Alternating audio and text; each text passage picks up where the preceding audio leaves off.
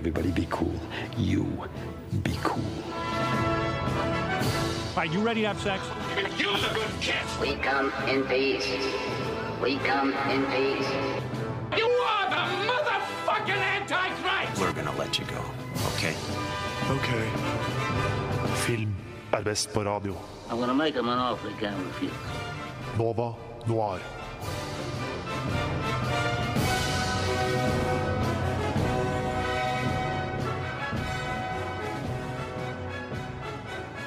Hallo, hallo, og velkommen til eh, Radio Nova, og rettere sagt Nova Noir, filmprogrammet på Radio Nova.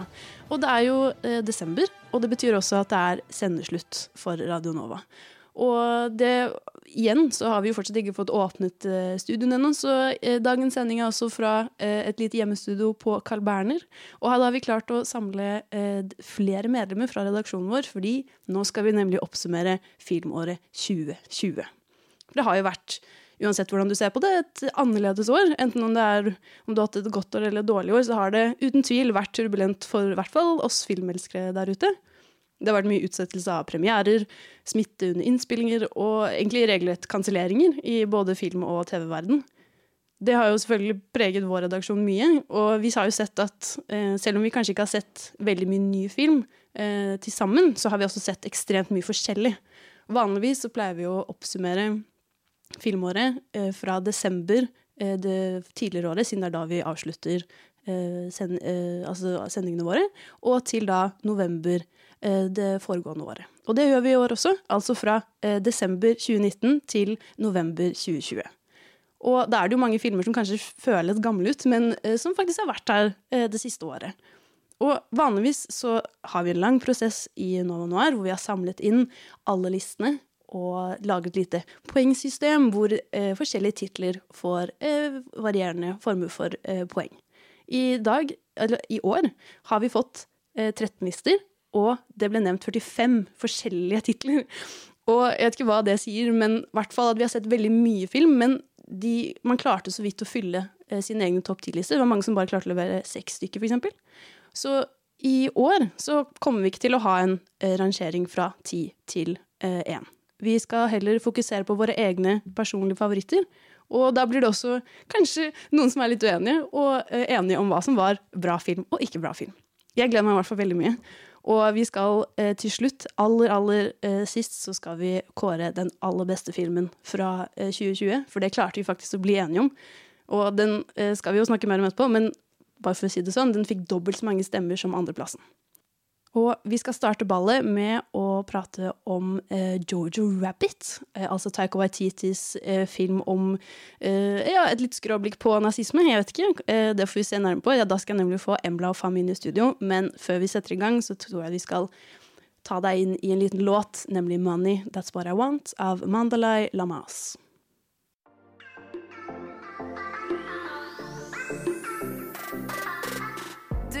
Til Nova Noir her på Radio Nova.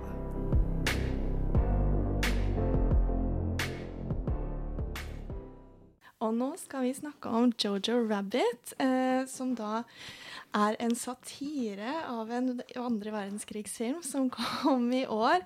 Eh, der møter vi jo da Johannes, eller Jojo, som han blir, blir mobbenavnet hans. Eh, som skal bli med i juniorseksjonen for Hitler-ungdommen. Og det sier vel kanskje sitt. Hva tenkte dere om den filmen, Embla og Ina? Jeg så den ganske nylig. Jeg så den faktisk i eh, desember.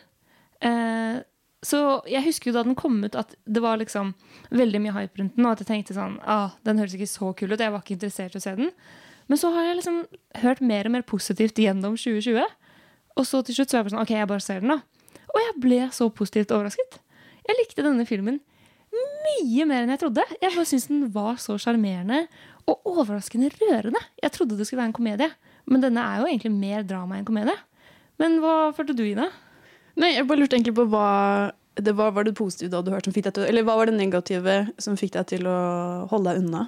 Jeg bare tenkte at dette ikke er sånn Jeg er ikke så glad i andre verdenskrig, Hitler, satt liksom, nazist-satire, komedie. Det bare hørtes liksom ikke helt ut som min type film. da. Jeg var litt sånn, Det er ikke den sjangeren jeg vanligvis pleier å like. da, Og jeg trodde også den skulle være mye mer sånn slapstickete, humoraktig film. Og jeg trodde Ja. ikke den skulle være så rørende. da. Ja, for den er jo veldig rørende. Eh, det er jo det som den er, Det er så fint, fordi man tror det bare er en komedie, og man ler med de, og man ler av de, men underveis så skjer det jo ting som bare ja, du, blir så følelsesmessig involvert i det som skjer med karakterene. Og det er en veldig kul måte å ja, fortelle om det å være ung da, i Tyskland eh, under nazismen. At sånn, du blir jo eh, opplært til å tenke at Hitler er den feteste fyren. For George Rabbit har jo da eh, en fantasifigur, eh, eller en bestekompis, som er Hitler. eh, som er spilt av Taika Waititi, som også er da eh, skuespilleren. Nei, men regissøren bak filmen. Og eh, det var jo fordi ingen andre eh, hadde lyst til å uh, spille den karakteren. Som jeg kan jo forstå, på en måte. Uh, men, og det er en utrolig sånn, koselig dynamikk mellom de to. At sånn, uh, Hitler er denne som sitter i bakgrunnen og sånn Bare gjør det, bare gjør det. Bare si det, herregud. Mens George blir veldig sånn stressa. Og, og det, er det, det er veldig mye humor nettopp på dette med hvor tullete nazismen var. Sånn det er jo den, En av mine favorittscener fra den filmen er jo når de får besøk av en eller annen general. Og alle må si 'Heil Hitler' til hverandre. Å, det er Vet du hvor mange ganger de sier det? Nei. 31 ganger i bare den scenen. Det er helt sjukt. sånn, Hver gang en person kommer inn i rommet, så er det sånn, Heil Hitler, og så må alle ti stykkene si Heil Hitler. Uh, som jeg syns er veldig veldig morsomt. Ja, de mobber jo nazistene, på en måte. Det er derfor de har fått så stor kritikk. Og, men de gjør Kritikk, ja.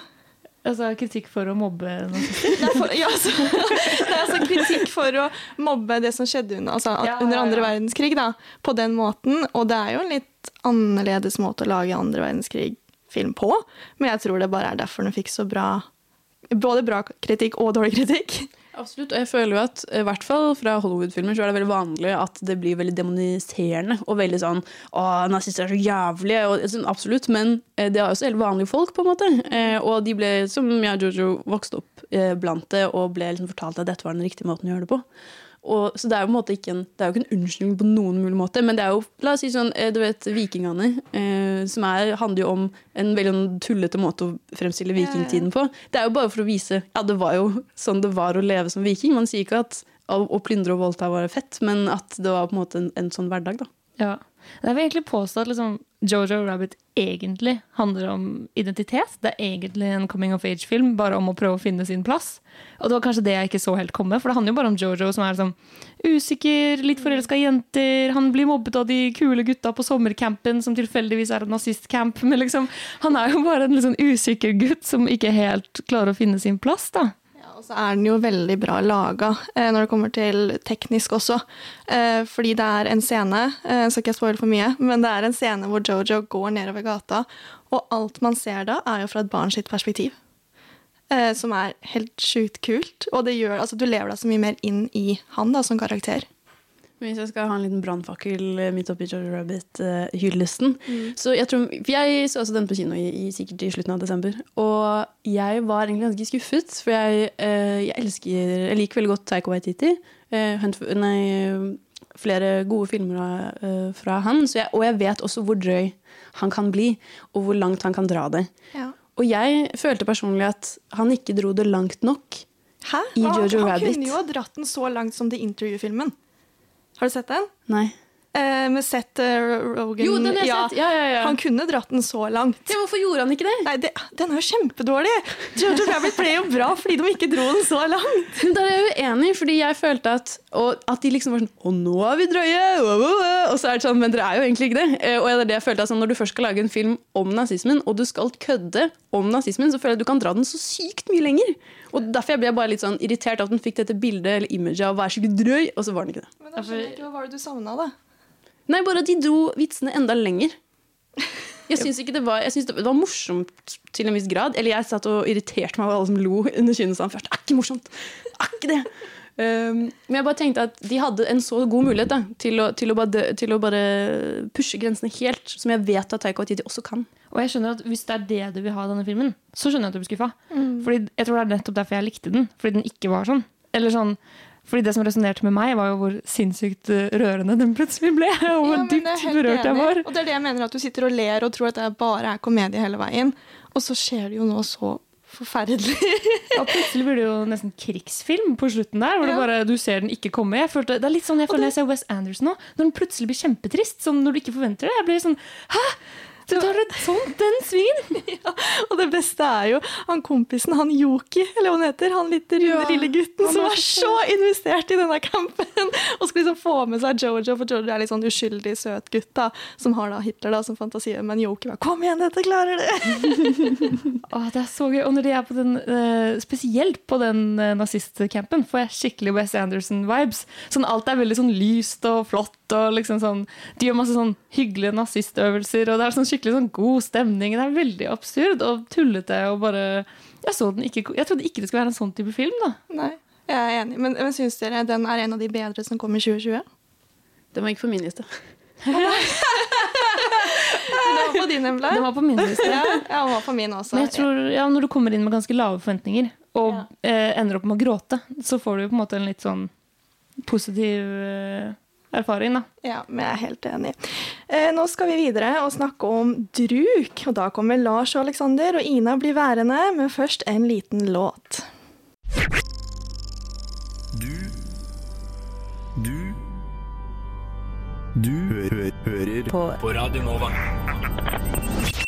Og da skal vi videre på eh, film nummer to, eller da i en tilfeldig rekkefølge, selvfølgeligvis. Eh, nemlig Druk, eh, det danske, danske filmen med Mats Mikkelsen, som baserer seg på en teori eh, norske eh, psykiater Finn Skårderud hadde tilbake i tiden, om at eh, mennesket egentlig burde være på 0,5 eh, promille for å ha et bedre liv. Og det tester da fem forskjellige skolelærere, og ser om det funker i teorien. Men eh, du skrev anmeldelse av Druk, Lars, eh, når den kom i sin tid. Ja, det gjorde jeg. Hva var det du syns, hva, hva syns du om den? Jeg synes det er, en, det er en veldig fin film. På den, det er på en måte en feiring av livet. Det er eh, kanskje litt positivt til alkoholisme, men eh, det er en veldig god film å se for det. Det er, det er egentlig den vi trengte i 2020. Hvordan da? Nei, når vi liksom når vi er i lockdown, da, så er det ikke noe festing, ikke noe å være med venner, ikke noe sånt. da. Og når du bare ser liksom Mats Mikkelsen danse da, i alkoholhus, så er jo det, det trengte jeg å se. Det var eh, godt for hjertet. Absolutt. Men du har også sett den, Alexander. Eh, Ja, det har jeg. Uh, og jeg er kanskje litt mer kritisk enn det, enn det Lars er. Jeg har uh, Altså, jeg har jeg, ja, ja. jeg har bodd et par år i Danmark, uh, og jeg syns at det her er verdens danskeste film. Den er rett og slett, altså den er dansk på en måte som jeg ikke har sett dansk film være før. Altså Mest bare sånn denne her måten å Altså Den måten den skildrer liksom denne her ungdomsalkoholismen på. Det her er jo på en måte en, en, en ungdomskultur som preger Danmark i, i veldig veldig stor grad. Den, det skildrer den på en veldig veldig god måte. Eh, og alle de jeg kjenner fra Danmark som har sett den, har liksom følt seg veldig, kjent seg veldig veldig igjen i den. Um, men jeg, jeg føler heller ikke at man på en måte ser det som er litt sånn problematisk i den. Men jeg synes Den, den, den forherliger det litt for mye. Og jeg syns det særlig kommer fram i, i, det, i det at uh, Nå skal vi ikke spoile det, eh, denne filmen, men, men det er ikke så mye konsekvenser uh, for de fleste. Ja, For det er jo disse da fem lærerne som begir seg ut på det å være fulle på jobb. Eh, og det går jo ganske forskjellig sånn, Noen klarer det bra, noen klarer det ikke så bra. Eh, og man blir kanskje litt høy på seg selv på et tidspunkt. Eh, men det får jo noen konsekvenser. Men eh, jeg er enig i det du sier, Alexander, at jeg føler egentlig ikke at eh, den egentlig var så kritisk som den kunne ha vært. Samtidig som jeg eh, føler at det er jo bare sånn kulturen vår er. på en måte. Jeg føler egentlig Norge ganske like på det at vi vi snakker liksom om at å, drikking er ikke bra, det er ikke bra å være for full, på en måte, men så drikker vi jo veldig mye og glorifiserer egentlig det å liksom, ta, ta sånn et par øl i helgene og sånn. Men ser du, hva, hva tenker du om Aleksanders kritikk, Lars? Jeg vil jo si meg helt enig i det, men det er jo den er jo det den presenterer. Jeg føler ikke at den prøver å være så mye mer enn det. Og det er, kommer fram i at teamsongen til filmen jo, heter jo What a Life. Og det er bare et godt liv, og uten å spoile, siste sekvensen av filmen er på en måte reisen gjennom det, da. Det om livet, på en måte. Og det er jo det er en, veldig, en veldig, veldig vakker siste sekvens. Og det er jo en film som har en veldig veldig sår kontekst. Den er jo på en måte laget eh, altså det her, Historien bak er jo at Thomas Winterbergs eh, datter og, og, og Thomas Winterberg har har vært liksom sammen om å skulle lage denne filmen her. Eh, hvorpå eh, hun blir eh, drept i en bilulykke eh, et år eller noe før filmen blir laget. Og så er det en veldig liksom, lang prosess eh, fram og tilbake hvor hun skal lages eller ikke. Og Den ender opp med å da bli laget og, og blir jo på en måte en slags liksom, hyllest til henne, en hyllest til livet, eh, som er vakker i den konteksten. Men har dere noe forhold til han fra før? Sånn de tidligere filmene? Han har skrevet, eller laget 'Jakten', blant annet. Jeg, jeg har jo sett uh, 'Jakten', og det er jo Det er veldig lik film på en viss måte i forhold til at eh, Hvordan han presenterer familieliv, kanskje. da. Hvordan Mats i begge filmene er litt sånn litt utafor, ikke er Kanskje på en måte fader litt ut av eh, livet da, prøver å få tilbake gnisten i livet. da. Og, ja. Jeg føler jo at Det er jo da disse fem mennene, men egentlig Mats Mikkelsen som er den viktigste. Og det er han som får mest tid eh, i filmen også. Og det er kanskje noe jeg bare samlet, savnet. At eh, det var mange løse tråder, kanskje, om, om alle disse forskjellige mennene. Og, og at eh, nettopp fordi Mats Mikkelsen fikk mest plass, så fikk du ikke helt sånn blitt verken godt nok kjent eller eh, sett konsekvensene eh, av, av alkoholen eh, når det kom til sitt. da. Men jeg syns samtidig at de har veldig god, en veldig kul dynamikk, alle de mennene. At de har det veldig morsomt sammen, åpenbart. Absolutt. Uh, og, og Mads Mikkelsen er jo helt strålende i den rollen. Han fanger jo definitivt skjermen. Han er jo den, liksom, den uh, prestasjonen som, som, skinner mest gjennom. Og det er jo han man vil se mest av gjennom filmen, så det er jo ikke unaturlig at man, at man på en måte gjør det. Men jeg er helt enig at jeg vil også gjerne se mer uh, av, av de andre. Ja, men eh, nå har denne kommet ganske langt oppe på eh, poenglisten vår, eh, og føler Hva er det dere føler liksom er det viktigste som vi burde liksom trekke ut fra, fra Druk? Bortsett fra Mats Mikkelsen danse, mener du? ja. Nei, det er eh, Det er bare godfølelsen du sitter igjen med, da. På at eh, som jeg skriver i anmeldelsen min, da, så er det jo, den er visuelt veldig fin. Den uh, representerer på en måte skoletilværelsen, samtidig festmiljøer, da. Eller hvordan man føler seg i rusen, da. Og Nei, den, den sitter igjen med deg ganske lenge, da. På en god måte. Det er veldig fine ord, og jeg anbefaler også alle å gå inn på Radnova sin nettsider og lese resten av anmeldelsen eh, til Lars. Eh, den ligger i hvert fall der som, som, du kan titte på. Og jeg tenker at Du nevnte jo låten tidligere i stad, eh, Lars, og den skal vi høre nå også, nemlig What a Life av Scarlett Pleasure. Du hører på Nova Noir. Og så har vi kommet oss til 1917, som er overraskende nok en 2020-film. Jeg tror mange forbinder den mer med 2019, men den hadde som norsk premiere i februar. Og denne filmen har jo vært en stor snakkis i det året som har vært. Og den er regissert av Sam Mendes og handler om to gutter som under første verdenskrig må krysse farlig territorium for å levere en beskjed som skal redde 16 000 liv. da. Og, hvordan, liksom, og den er filmet i en oneshot og følger deres reise for å prøve å komme for å advare de andre soldatene. Så da er jeg veldig spent. Ja, faen! Hva var ditt inntrykk? Nei, altså Den oneshoten altså, Det er jo ikke filma i en oneshot, det er satt sammen til en oneshot. Men at de har klart det så bra teknisk å få det til å se ut som en oneshot jeg, jeg var så imponert når jeg så den. Altså, det var mye ting som irriterte meg òg, men det, akkurat det der Fy søren, så bra. Det er, det er jo ikke rart at den vant Oscar Nei. for beste eh, cinematografi. da, at den gjorde det. Ja, for det husker jeg mange var sinte for at de mente at det ikke var fortjent, men det er jeg helt uenig i. Altså, jeg synes, Jeg skjønte når de kutta, fordi det ga mening for det gikk liksom litt i svart, eller annet, men man kunne jo nesten aldri se det. Det var så sam, liksom, sømløst satt sammen. da. Og jeg leste faktisk litt på det der, hvordan de hadde gjort det, hvordan de hadde fått til å få til den oneshoten. Og de har jo festa til droner og, og, biler og jeeper og alt som var, for å kjøre etter de der skuespillerne. Og så har de laga en sånn derre masse, sånn, Ikke sånn massegram, men sånn derre Ja, som noen ligger i. Nå kommer jeg ikke på ordet. Hæ? Ja, takk, Lars. Når man laga det, så var da 5200 fot. Nå vet jeg ikke hvor mye fot det er. Men for å liksom ha nok lengde da, for at skuespillerne skulle løpe på. Tok det åtte minutter i filmen, så skulle det hatt åtte minutter å løpe. Altså, det er helt sinnssykt. Men det er noe jeg syns altså, man ikke snakker nok om. Det er hvor dyktige disse skuespillerne har måttet være. Altså, dette var en av de eneste filmene som var nominert til Oscar i nesten alle kategorier, men ikke skuespillerne. Sånn George Mackay bærer jo denne filmen. Tenk så lange tagninger og så mye fysisk liksom, han må gjennom i denne filmen. Ja, det er helt sykt. Og han, han, drar jo oss inn i rollen veldig bra. Vi får jo en sterk følelse av hvordan det er å være under, under første verdenskrig.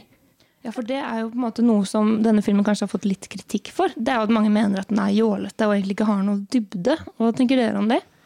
Jeg tenker at det er eh, vel uten grunnlag, egentlig. Eh, på at det er jo Jeg syns den er veldig sånn Nå var ikke jeg i første verdenskrig, men eh, den er- virker veldig realistisk i hvordan den fremstiller det groteske, da. Det er jo eh, det er så mange historier ut fra første verdenskrig om hvor fælt det var, da, og jeg syns det kommer veldig godt frem i filmen. Da, spesielt eh, disse No Man's Land-scenene. da. Jeg er veldig enig i det, men jeg savna litt mer sånn bare noen setninger, sånn som Bendik Cumberbatch er jo med i en sånn én scene. Og så bare sånn en setning hvor han forklarer hva som skjer, hva som er grunnen til at det er så viktig med den beskjeden. Hvorfor det, hvorfor det er viktig for resten av verden. Jeg tror det er derfor den kritikken var så sterk. Men der, er jeg faktisk, der mener jeg det motsatte. Fordi noe av det som, Og jeg liker egentlig ikke krigsfilmer så veldig godt. 'Saving Private Ryan' liksom, den, den trøstet ikke meg så veldig. Sånn, jeg vet at jeg ryster mange nå, men jeg var veldig overrasket over å like denne filmen her så godt.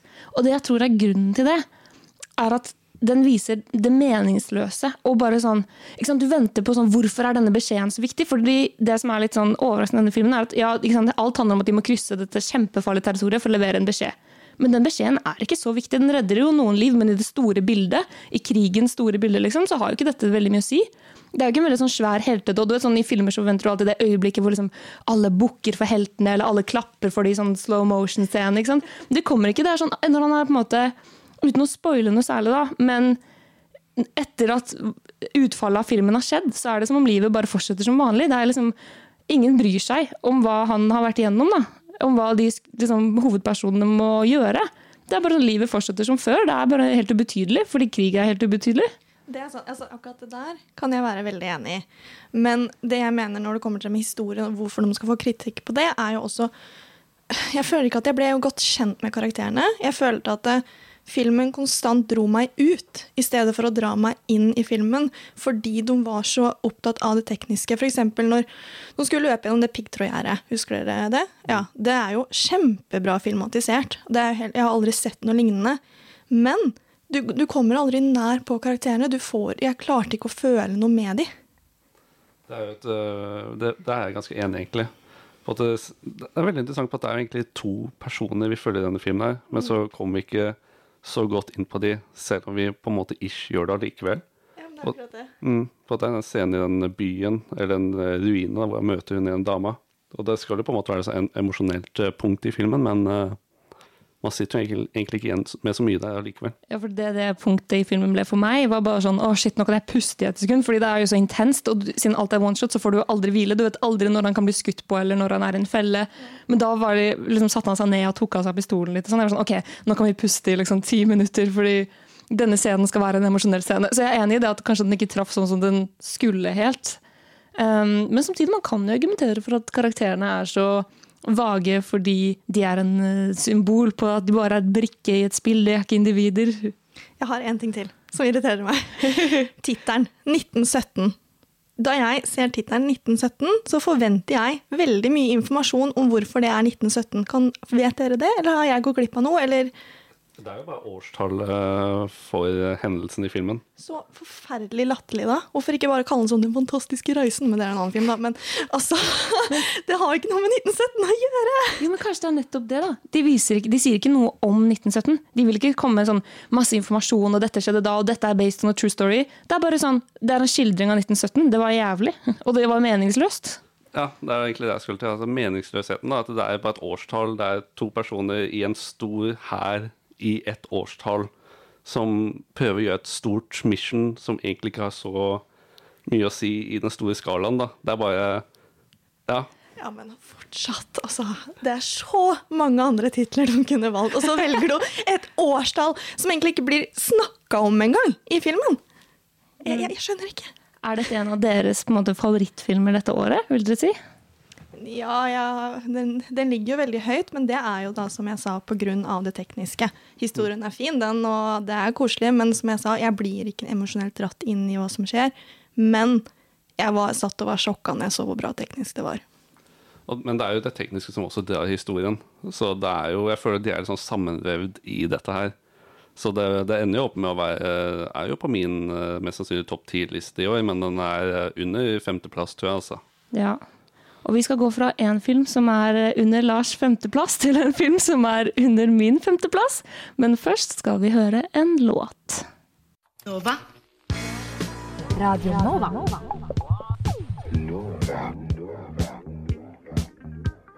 Du hører på Radio Nova. DAB, nettspiller og mobil. Og nå har vi pratet om et eh, par filmer allerede, men vi skal videre på Knives Out, som kom ut i desember 2019, om jeg ikke husker helt feil. Som da handler om eh, Det er en, eh, en bestefar som har dødd, og da går det jo selvsagt eh, mange En rik, rik bestefar. Og da kommer hele familien og samler seg og vil ha det som er å ta av hans forme. samtidig som det er et lite mysterium om hvordan eh, denne bestefaren egentlig eh, døde. Og jeg husker når jeg så denne på kino, det er jo regissør Ryan Johnson, altså han som har laget eh, den andre Star Wars-filmen i den nye trilogien. Han som var så kontroversiell og tok så mange radikale valg om eh, Star Wars-universet. Um, og jeg var egentlig bare positivt eh, innstilt. Og jeg, men ingenting kunne forberede meg på hvor slått i bakten jeg skulle bli av Knives Out. Jeg elsket den. Jeg lo så høyt. Så mye. Jeg trodde du skulle si at du hata den. Ja. Nei, nei, nei, nei, nei. Jeg vet at jeg vanligvis er ganske kritisk, men eh, akkurat med Nice Out Og jeg så den igjen med, med foreldrene mine i, i høst, og jeg syns fortsatt den var utrolig god. Og jeg tror det er fordi den spiller jo veldig mye på disse typiske sånn krim eh, stereotypiene. Altså det er jo eh, da den eh, slemme datteren og, og den tullete tanten og alle disse tingene. Men jeg syns de gjør det på en veldig stilig måte. Ja, jeg er veldig enig. Og det morsomste er jo at det er en imitasjon typ av Poirot. Har dere sett det? Nei. Det er en fransk krimserie som går på NRK. Mamma på ser på det hele tiden, så jeg har sett det ufrivillig mye. Og da, da jeg så Nice Out, så var det så gøy uh, at han detektiver er en komedie av han. Ja, fordi det var det som på en måte hele denne filmen føltes litt ut som for meg. Var en eh, nesten litt sånn Agatha Christie-parodi. Egentlig liksom, Den rev liksom litt mellom hyllest til parodi. Jeg følte at den kanskje ikke helt klarte å lande i hvilken den ville være. Det er jo Daniel Craig, da. Altså James Bond. Altså verdens Altså dagens største sånn actionhelt. da. Han spiller jo denne detektiven. Og det jeg syns er eh, Ok, greit, du kan si hva du vil om den er søt, om den er forutsigbar, eller om den er eh, ikke så morsom, f.eks. Men det du kan se Uansett, du kan ikke nekte for at Daniel Craig har det så gøy. Han koser seg så mye, for han har denne dumme dumme aksenten, sånn sørstataksent. sørstat-aksent. Og så har han bare sånn disse lange monologene hvor han bare sånn It's like a donut. Og så er han bare sånn, har sånn dritlangt resonnement og bare et utrolig sånn dumme tolkning av ting. Og eh, det var det jeg synes var gøy. Han har vært i disse veldig seriøse rollene alle år, og så kommer han til Knives Out og får lov til å tulle masse. Det syns jeg var koselig. Jeg er helt enig. Og så blander du da det sammen med en stor familie som er så opptatt av penger, som sitter og krangler i en stue, krangler i intervjuer. Altså, jeg har en svakhet for familiekranglefilm tror jeg. Krangler dere mye hjemme, Fam? Hæ? Krangler dere mye hjemme? Nei, aldri, vet du. Men kanskje det er det, da. Så jeg, jeg savner det kanskje. Ja, men jeg meg igjen. Jeg har også en familie som krangler ekstremt lite. Så da er det veldig spennende å se noen som krangler. For, ah, shit, er det sånn det er? Ja, for, for du klarer ikke å skjønne hvordan det Ja, jeg er litt enig. Det er også bare sinnssykt gøy cast. Ja. Liksom Chris. Evans, Jamie Lee Kurtz Det er bare sånn de, Tony Colette! Ja, og de bare er så gøy sammen. Selvfølgelig Når du tar masse etablerte kjendiser og bare Å, nå er det en familie som skal krangle, så må det jo bli gøy. Og det er jo veldig fargerikt og gøy manus. og det er nesten det jeg skulle ønske at filmen hadde turt å liksom bare, bare ligge i humor. Fordi det er noen steder jeg føler den prøver å sånn Å, nå er, vi, nå er jeg skummel. Og så er jeg bare sånn Ja, men jeg klarer ikke å ta deg helt seriøst nå. Eh, og det er jo kanskje også det når du skal prøve å lage humor og mysterie. Men eh, da må på en måte enten det være veldig veldig morsomt og ikke noe mysterie, eller så må det være veldig veldig spennende. Og det er der jeg føler den river seg imellom. fordi jeg syns ikke den er morsom nok til å bare være en komedie, men jeg syns ikke mysteriet er bra nok til at jeg sitter og liksom river meg i håret. For når det er liksom en sånn Agatha Christie-film, nesten, så vil jeg jo sitte der og være sånn Hvem har gjort det? Og uten å spoile noe, så følger man jo mer reisen til en som er mistenkt, enn man følger reisen til detektiven. Og det er jo et spennende grep, men det gjorde også at jeg ble litt dratt ut. Kjente dere noe på det? Jeg tror jeg følte på akkurat det motsatte. Ja, det var nettopp det som gjorde at jeg syntes det var interessant å følge med. Fordi eh, du var usikker, eller du er alltid usikker på om den personen, altså protagonisten, er, er skyldig eller ikke. Og det syns jeg er veldig spennende. At de klarer å holde på den spenningen. Eh, Jeg er jo egentlig ikke så veldig fan av krim. Jeg syns det er ganske kjedelig, nettopp fordi jeg syns det er ofte ganske åpenbart. Og her så ble jeg sittende og sånn mm, Jeg, jeg er veldig enig med deg, Ina. Ja. det, jeg syns heller ikke det var så åpenbart. Og jeg syns, det, jeg, syns, jeg syns de fikk det til å fungere på en overraskende bra måte. For det var ikke sånn at jeg satt på den filmen her og tenkte oi, nå skal jeg se en av de beste filmene i 2020. Men du, dæven, det var det. Ja, for dette er også litt sånn underdog-film. Den har ikke blitt så veldig Jeg føler Folk har snakket veldig lite om den. Den ble nominert til bare sånn én Oscar. Nesten bare Golden Globes. Liksom, jeg føler ikke at dette har blitt ansett som en av de store filmene, selv om den kunne jo blitt det. Men det er jo veldig typisk Oscaren, dette med humor. Da. Eh, Det er veldig sjelden at morsomme filmer kommer langt i Oscar-løpet. Eh, Det som kanskje har gjort det best, er vel sånn type Get Out. Eh, Men den er også en ekstremt sånn god eh, samfunnskommentar inni det. Det er jo no, altså, Knives Out er jo litt inne på dette med, med spans, altså, spanske immigranter og um, en slags form for rasisme eller fordomsdømming. Uh, Men de er jo ikke i nærheten av å skrape ordentlig uh, på, på isfjellet. Så det er kanskje litt det, da, at den er jo Og du ser jo at det er jo bare for å ha det gøy, på en måte. Selv om den er, og det er jo proffe folk, så derfor blir det veldig bra også. Men nei, jeg vet ikke. Uh, Jeg syns den kunne sikkert fått enda mer uh, heder. Og spesielt etter Ryan Johnson fikk så sykt mye hat etter Star Wars-filmene, syns jeg var veldig imponert at han tok en helomvending. på en måte. Dette er jo noe helt annet. Ja, det er en helt annen type film. En, for det, var det den Jedi-filmen? Return of the Jedi? Nei. Var det den du mente? nei. Nei, jeg mente det var Return of the Jedi. Er det ikke Det den er den første. Er det ikke? Han, han regisserte den andre. ja, Nå sitter, nå sitter tekniker Magnus og himler med øynene. Og, Ja, nei, jeg har ikke peiling på Star Wars. Nå bare tenkte jeg hva det sto. Nei, men for, i, for i traileren til eh, Nice Out så står det hvem Star Wars-film det er. Så prøvde jeg å tenke tilbake hvem det var som sto. Det var det kanskje, Ja. ja. Mm. Så det var ikke helt på jordet, det. Nei, nei, altså. det var noe Nei. med der. Det var helt, det var helt riktig. Ja, det er bra.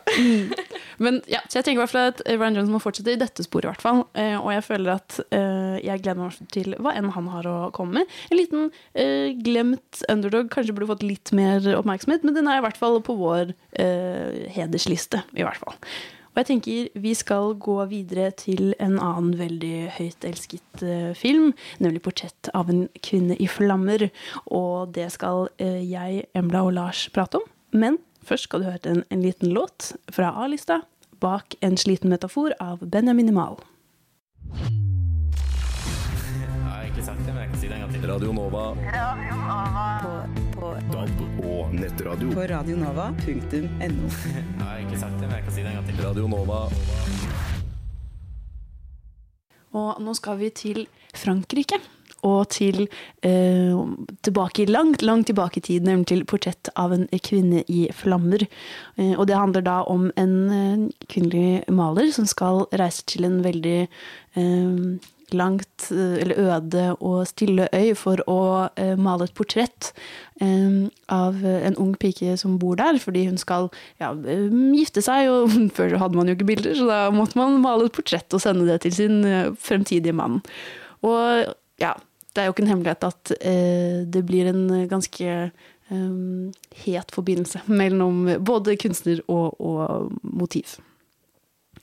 Men eh, jeg brukte ganske lang tid med å komme meg til å se eh, portrettet av en kvinne i flamme'. Jeg så den hjemme på min PC, eh, som jeg skammer meg veldig mye over. Men eh, dere har sett den på kino, eh, Lars Øyenblad. Ja, det var den siste filmen jeg så før lockdown, faktisk. Så den på faktisk kvinnedagen.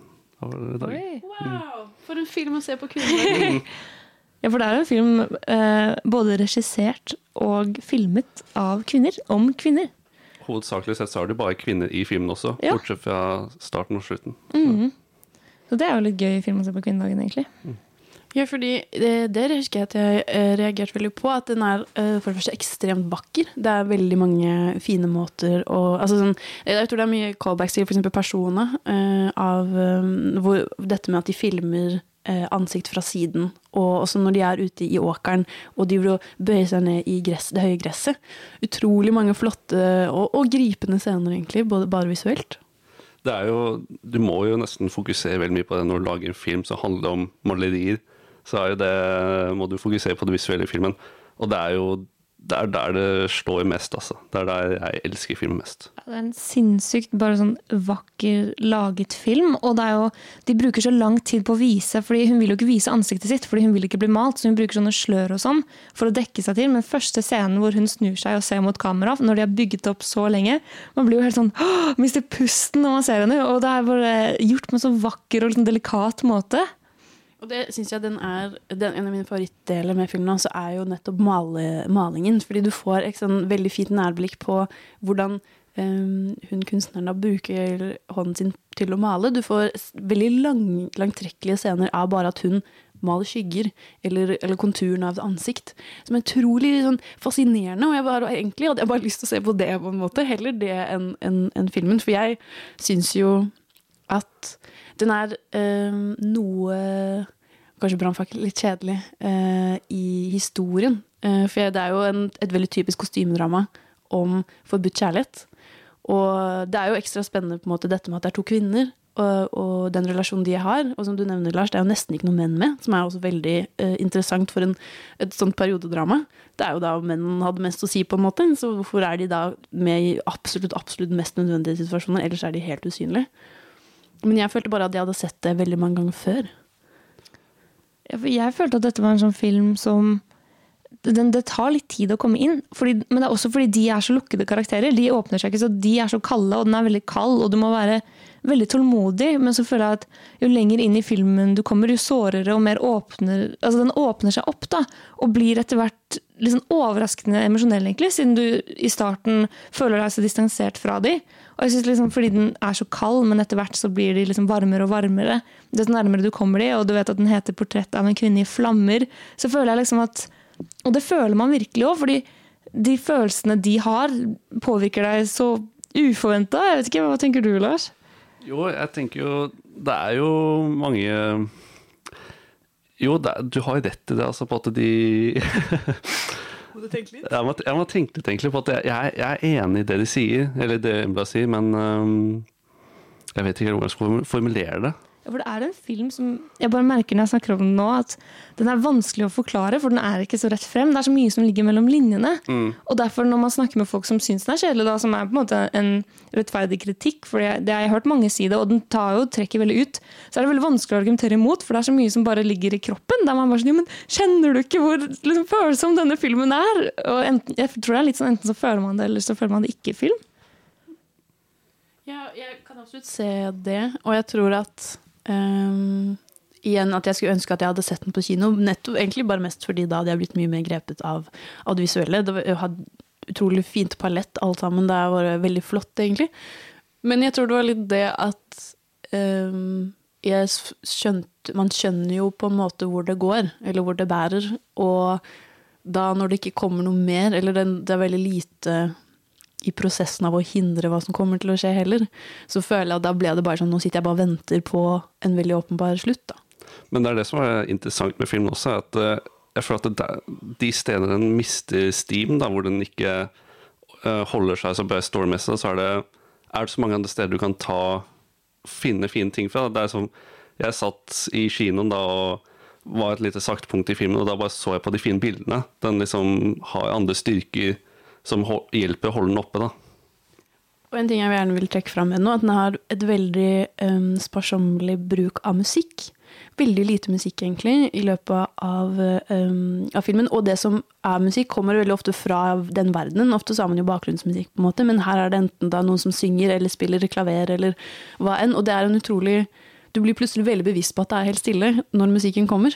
Eh, og de er valgt på utrolig gode, i gode situasjoner, og da blir det ekstra sånn virkningsfullt da, når musikken først kommer. Og det syns jeg husker jeg var veldig, veldig kult. Det er en sånn film som på en måte tar deg veldig langsomt, og så plutselig er du superengasjert. Eh, og uten å spoile, så er på en måte filmens siste scene egentlig noe av det vakreste. For det er jo litt det du snakker om, Mina. Du, jeg skal ikke si akkurat hva som skjer, men det er ingen hemmelighet. Du vet på en måte hele filmen hvor dette kommer til å gå. Er, de har ikke så mange muligheter, egentlig. Og du sitter bare og venter på det uunngåelige, og så når det til slutt på en måte skjer, så sitter du på en måte bare og føler sånn Men var det verdt det? Var det ikke verdt det? Uh, og det syns jeg bare slutten viser så utrolig sånn flott. Og jeg har ikke egentlig sett en sånn slutt på film før. Nei. Og det er jo noe å, å ta med seg. Jeg skjønner absolutt at det eh, har en veldig stor, en stor innvirkning. Og jeg føler at vi skal gå fra én visuelt eh, vakker film til en annen, eh, men kanskje noe skumlere, da, eh, vil noen si. Og vi skal nemlig videre på The Lighthouse. Men der har du i hvert fall eh, vår lille oppsummering av Portrett av en kvinne i flammer'. Når kinoen en gang åpner, og den kanskje kommer tilbake på en ekstravisning, så anbefaler vi i hvert fall hjertelig at du, at du tar deg en titt. Men før vi går videre på The Lighthouse, eh, så skal du høre en ny låt, og 'Infinite Spirit' av Fnonose og Beats by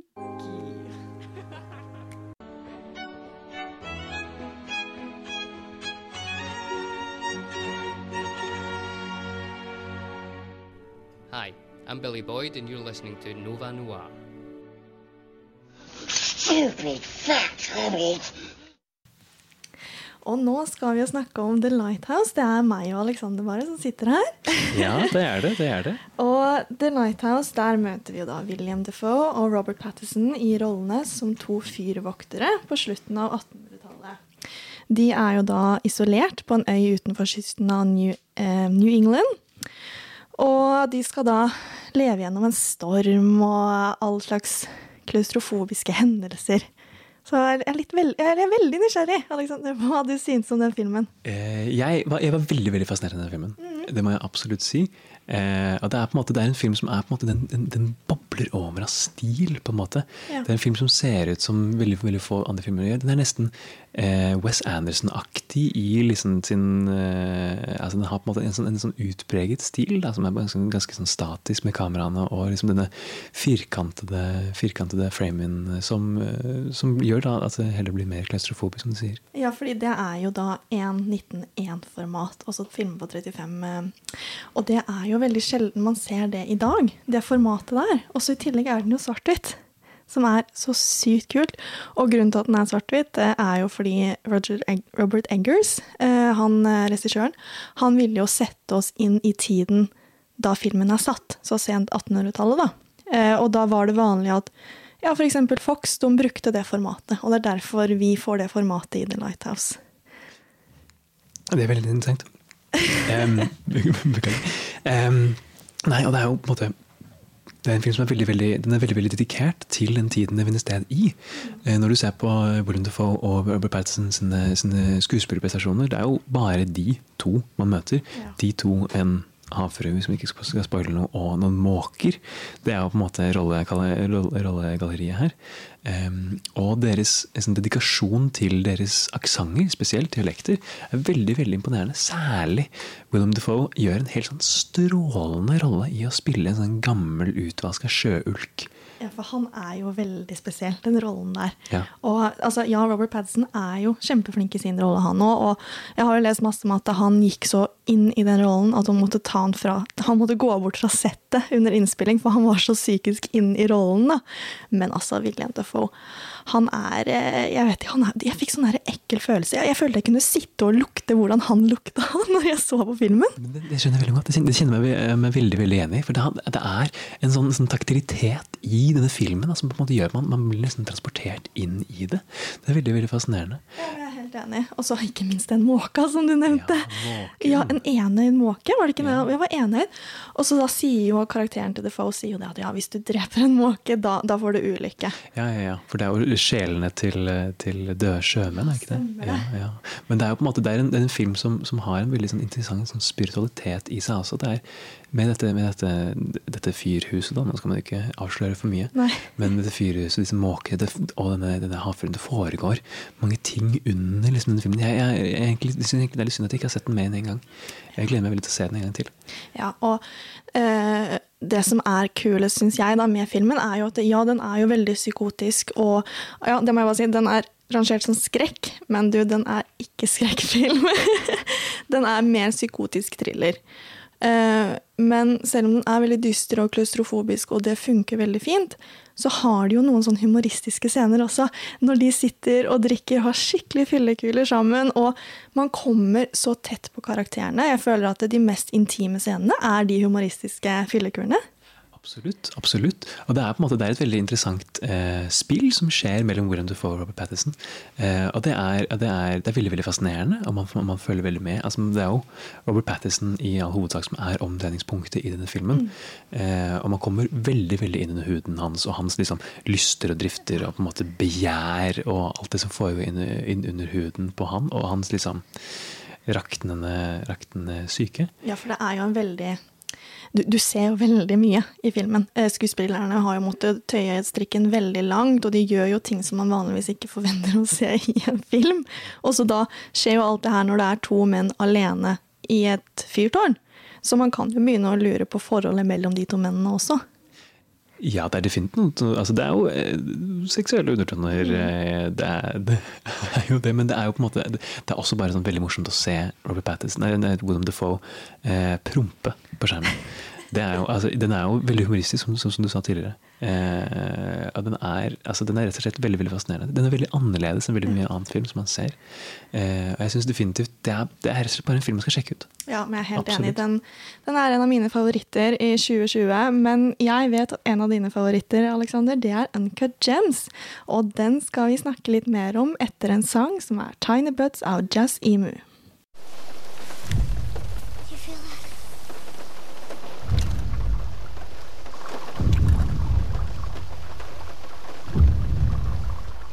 Nova Noir. Det merkes på tyngden. Og da skal vi videre på Uncut Gems, Adam Sandlers eh, Oscar-håp. Eh, eller hva, Alexander? Vet du hva? Eh, er det én film Adam Sandler skal få Oscar for i sin karriere, så er det denne filmen. For han er så sinnssykt god! Og det, det, skylder jeg på en måte ikke på at Adam Sandler er en god skuespiller, det er mer fordi at alt er lagt til rette for Adam Sandler i denne filmen. Manuskriptet er jo skrevet til han. Det er jo faktisk noe Safety-brødrene har gjort. at de, på en måte, de har skrevet denne rollen her til han, og så har de prøvd på en måte, gjennom flere år å få han med på den. Og så var det først etter at Good Time var en såpass stor suksess som det var, at de har fått, fått han med seg. Og det syns jeg bare er altså, den, det, det, stråler gjennom. For hans liksom, aggressive man-baby-karakter som han spiller i alle filmene sine, den kommer så sykt til sin rett i denne filmen. I den, denne dramaturgiske liksom, sammenhengen. Og det er vakkert. Kan ikke du fortelle meg, Hva er premisset for, for Uncut James? Hvem er denne man-babyen?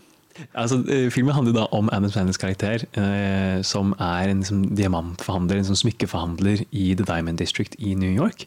Som eh, liker å gamble bort litt mer enn det han kanskje burde, og handler i noen pengeproblemer med noen mennesker som han kanskje ikke burde skylde penger. Eh, som også viser seg å være i, i hans familie. Det er, det er, veldig, det er veldig, det er veldig innfløkt, liksom, eh, en veldig innfløkt konflikt.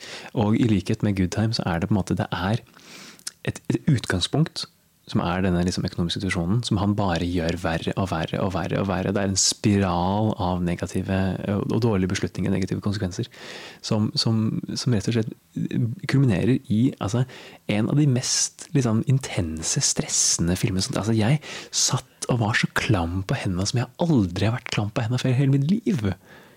Jeg følte at når jeg var ferdig med den, så var jeg så utrolig sliten. Fordi den holder på deg fra første sekund, og den gir virkelig aldri slipp. For den bare du blir bare verre og verre, og du bare kjenner at liksom, pulsen går opp. Og du får aldri en pause, det som man vanligvis får i, i filmer hvor det liksom er litt sånn ok, her kan du puste litt, og så kommer vi tilbake igjen. Men nei, det er fra ende til annen intenst. Det syns jeg er helt sykt imponerende. Det synes jeg er helt sinnssykt. Det er en film som på en måte som, som, som, som leverer et spenningsnivå som man veldig veldig sjelden ser. Eh, og det syns jeg er, er, er, helt utrolig. Det har på en måte blitt et liksom varemerke for Safety-brødrene. Eh, men, men, det de sier om at den, at den eh, etterlater deg sykt sliten Jeg vil ærlig innrømme at jeg vil ikke spoile hva som skjer eh, på slutten av filmen, eh, sånn plastmessig, men jeg vil si at måten denne filmen avsluttes på å, fy faen. Altså, jeg må si den, altså, Å avslutte eh, filmen med en Gigi D'Angostino-låt Bare sånn hardcut til uh, titles med den låta. Å, fy faen! Jeg blir så ah, Blodet koker bare jeg tenker på det. Jeg syns det er så gøy. En legendarisk måte å avslutte en film på. Men dette er jo en eh, Netflix-film som er litt interessant. For jeg føler at den majoriteten av de som har sett Uncle James, har jo sett den hjemme på sin egen PC. Det gjorde jeg også. Hva tror du det har å si for eh, opple folk sin opplevelse av Uncle James?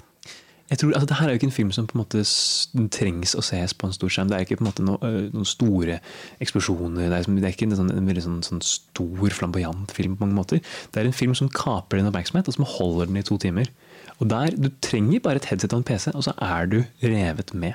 Og det er, På den måten så er det en perfekt Netflix-film. Den er perfekt på et lite format. Jeg, du kan, altså, jeg vil tro du kan se den på telefonen din og fortsatt ha en lignende opplevelse som det du og jeg har hatt med denne filmen. Tror du ikke han hadde mistet den, den intensiteten? på en måte? Det tror jeg handler veldig mye om distraksjoner. Altså Hvis du på en måte ser den på en buss og og er liksom distrahert i det. Men jeg, det, jeg tror i utgangspunktet, hvis du bare sitter i sengen din og ser den filmen på telefonen din med et headset på, så tror jeg du kan ha den samme opplevelsen. Eh, David Lynch vil kanskje være litt sint på meg hvis jeg sier det her, men det, det, det tror jeg inderlig. Eh, ja. Men du mener da at den, den burde fått noen Oscar-nominasjoner? Jeg vet ikke helt eh, om jeg syns den burde få Oscar-nominasjoner. Nå syns jeg på en måte Oscar-utdelingen er litt sånn fjasete i det hele tatt. Det er på en måte ikke en sånn Jeg, jeg ser ikke på det som en sånn veldig sterk institusjon i seg selv, men altså, jeg syns den, den burde definitivt få anerkjennelse. Det er jeg helt enig i, men det er jo alt annet enn en Oscar-film. Hvis den ikke får Oscar-nominasjoner eller Oscar-premier, så blir jeg ikke overrasket. Jeg blir positivt overrasket hvis den får det, men det er ikke noe jeg går rundt og håper på at kommer til å skje, fordi det, det forventer jeg egentlig ikke. og det, ja, det trenger den ikke. For det er ikke en film som på en måte skal appellere til et Oscar-publikum, tenker jeg. Eh, Den er ikke på en måte en film som en, en gammel hvit mann vil se og tenke at det her, dette er kunst. Med på en måte en med liksom Adam Sandler i hodet, og The Weeknd dukker opp på et tidspunkt for The Weeknd-fans der ute. Fordi Adam Sandler han prøver på en måte å bli Veldig mange når den filmen kom, så var også nå skal Adam Sandler bli seriøs. Nå skal han liksom bli en ekte skuespiller igjen. Men nå kommer jo eksempel Hubie Halloween, som også var en Netflix-film som kom tidligere år, hvor han går rett tilbake i samme gamle. Føler du at liksom han kommer til å liksom, Hva er det en sånn på på en måte? Var det bare som en sånn engangsgreie, eller? Jeg tror i aller høyeste grad at det her handler om å matche riktig, eh, riktig eh, skuespiller med riktig karakter med riktig regissør. Det ser man jo også på en måte med Punch Drunk Love. Eh, karakteren hans i den filmen passer jo perfekt. Og det er jo på en måte også fordi den filmen på en måte er skrevet litt rundt det. Da, at det er, på en måte, det er en karakter som passer veldig godt. Fordi Adam Sandler kan jo bare spille én rolle. Og hvis man kan finne en rolle som han kan spille som på en måte, hvor, det, hvor, det, hvor det passer fint, hvor det, hvor det, blir, på en måte, hvor det gir dramaturgisk mening, så, så kan det bli veldig godt. Han er, ikke, han er flink til å spille denne rollen. Han kan gjøre det på en sympatisk måte. Men man må ikke glemme at han, han kan bare spille den ene rollen på en måte. Eh, det, men, men, men, men paret med riktig regissør og paret med riktig manuskript, så kan det bli kjempebra. Eh, og det her er jo altså, jeg vil si en av de morsomste filmene i 2020. Jeg vil definitivt, altså Måten den åpner på, dette vil jeg gjerne eh, avsløre, fordi jeg syns det er så fantastisk. Altså, men den, den, Man åpner denne, denne etiopiske gruven, man ser denne store liksom, diamanten, eller hva den er. Denne, denne, denne, ja, eh, man liksom kommer, liksom, Kameraet kommer inn i den når man er liksom, å, ute i verdensrommet og reiser rundt, og så plutselig ender man liksom opp i noe som, som ligner på sånn, jeg vi er inni en kropp. Er vi inni en tarm? Hva er det som skjer? Og så zoomer vi ut. Ah, ja, vi er inni Adam Sanders endetarm. Og sånn starter filmen. Eh, og det er ah, fra start til slutt Fy fader, altså Safety burden jeg, jeg, jeg er så imponert. Gleder meg utrolig mye til hva, hva enn Seftbrødrene gjør neste gang. Og jeg håper også at Adam Sandler klarer å, å få til enda flere kule roller, akkurat så mye i Uncut Gems. Og det er derfor den også har kommet på, på vår topp 10-liste, som du kan også kan lese inne på radionova.no, hvor vi også har skrevet et par avsnitt om de filmene vi mener var best i 2020. Og nå skal vi videre på eh, Mathias og Maxim, som jeg og Embla har sett tidligere år. Men du skal også høre en låt, nemlig 'Fanga' av Kvitt, Kvikt og Hurtig.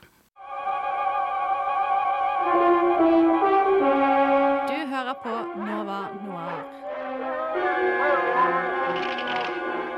Hey, who do you think you are, anyway? Answer me, or I destroy you! Og nå skal vi videre på enda en eh, fransk eh, film, men ganske annerledes enn 'Portrett av en kvinne i flammer', i hvert fall. Nemlig 'Mathias og Maxim', som er Xavier Dolan sin, eh, sin nyeste film, som handler da om denne vennegjengen, og spesielt da to bestekompiser, eh, som etter en hyttetur får satt vennskapet sitt ganske hardt på prøve, og blir da tvunget til å, å kysse i en kortfilm. Noe som gjør at mye, mye følelser og tanker eh, vekkes opp. Og det var faktisk du som anbefalte meg ekstremt hardt å, å se denne filmen, Embla. Ekstremt hardt. For den rakk du å se på kino før, før eh, lockdown nummer to. Ja, det var så vidt. Eh, og det var liksom den beste kinoopplevelsen jeg hadde hatt på så lenge. Det var som jeg ble forelsket, ikke bare i denne filmen, men i film på nytt. Jeg har liksom ikke sett så mye film på kino dette året, så det å komme og se denne var bare sånn Åh, det bare, Jeg hadde glemt at man kunne føle så mye på kino. Men hva var det som gjorde, at, det som gjorde denne opplevelsen så sterk? jeg, vet, jeg er veldig glad i sånne filmer som på en måte skal utforske noe, mer enn å konkludere noe. Eh, og denne filmen føler jeg gjør nettopp det. Sånn, den utforsker et vennskap. Jeg føler Det er en kjærlighetshistorie, men først og fremst en kjærlighetshistorie om vennskap, egentlig. Mer enn romantikk, føler jeg i hvert fall. Uh, og jeg føler den heller vil skildre en litt sånn rar tid, for det er på en måte tiden rett før den ene hovedkarakteren, Max, skal flytte til Australia og på en måte dra fra de vennene han har hatt hele livet. Og jeg føler mer enn om den vil liksom si at det er riktig eller det er feil, eller han gjør noe galt eller hun gjør noe rett, så føler jeg den bare viser det, liksom, alle de rare følelsene man har i den tiden rett før. Så utrolig fint, da! Og jeg bare tok meg selv i å bli rørt sånn uforventa igjen og igjen, så jeg føler meg nesten så manipulert av filmen, fordi den bare liksom hadde meg rundt lillefingrene fra start til slutt, da. Det jeg føler som dette du sier med vennskap, er at eh, det er så utrolig tydelig at eh, disse her må være Eller sånn, jeg føler i hvert fall det når jeg så den filmen, at dette må jo være ekte venner. fordi eh, bare fra start så er det allerede sånn, denne jazzingen, på en måte. De, de er så utrolig raske um, på kommentarene. De kødder med hverandre, og det er veldig veldig ektefølt. Og jeg, spesielt uh, nå etter når vi er på vei inn i en litt mørk høst og vinter Jeg fikk så lyst på sommer av å se Mathias og Maxim, fordi det begynner på denne hytta eh, hvor de liksom drikker pils og sigger, liksom bare har det sykt koselig, og bader. Og, og jeg blir helt sånn ja, Dette er det, alt jeg vil ha! Det er jo dette jeg ønsker meg, på en måte. så den helt fantastisk. vekket så mye følelser. Og spesielt musikken. Musikkbruken er utrolig kul i, i Mathias og Maxim. Og jeg fikk masse list, sanger som jeg har på, på spillelisten min på Spotify nå. Fordi han bruker altså Dolan da, bruker musikk veldig lurt. Og spesielt en veldig deilig eller fin scene i, i filmen er jo når de sitter i bilen. Og så blir de minner de, husker de, kommer de innom sånn FM-radio, og så er det en låt de er sånn, det er den låten der! Vi hadde, vi hadde sang så mye for sånn fem år siden. Og så prøver de sånn ekstremt hardt bare finne den framtiden igjen. Og jeg bare ble så, jeg ble så revet med av guttene. Og jeg ble sånn, de er, var veldig med på deres reise. Og når de da plutselig bryter løs og synger sangen av full hals, så bare herregud, dette er fantastisk! Ja, sånn, alle de vennskapsscenene er bare Å, de er så gode, og de er jo bestevenner i virkeligheten nå. De eh, er jo Xavier Dolan sine bestevenner. Så det gir så mening. Liksom, du, når jeg leser det, så er det sånn, å, det gir helt mening, fordi de virker jo som en vennegjeng fra før. Og kjemien er bare så bra. Og alle scenene de, med gjengen som måtte kødder, han lar de gå så lenge, da. Det er også en scene hvor eh, de mener at Mats, den ene karakteren, eh, alltid sier sånn, han alltid kommer med sånne bemerkninger på de andre. Og så sier han nei, jeg gjør ikke det. Og så kommer de med et eksempel. Han bare sånn, ja, jeg sa ikke det da. Og så har han ene videobevis, og de har skal ha sånn veddemål. Og så idet de finner ut at han har sagt det, og alle bare! Sånn, Jeg følte det, liksom. Det er så mange sånne fine scener.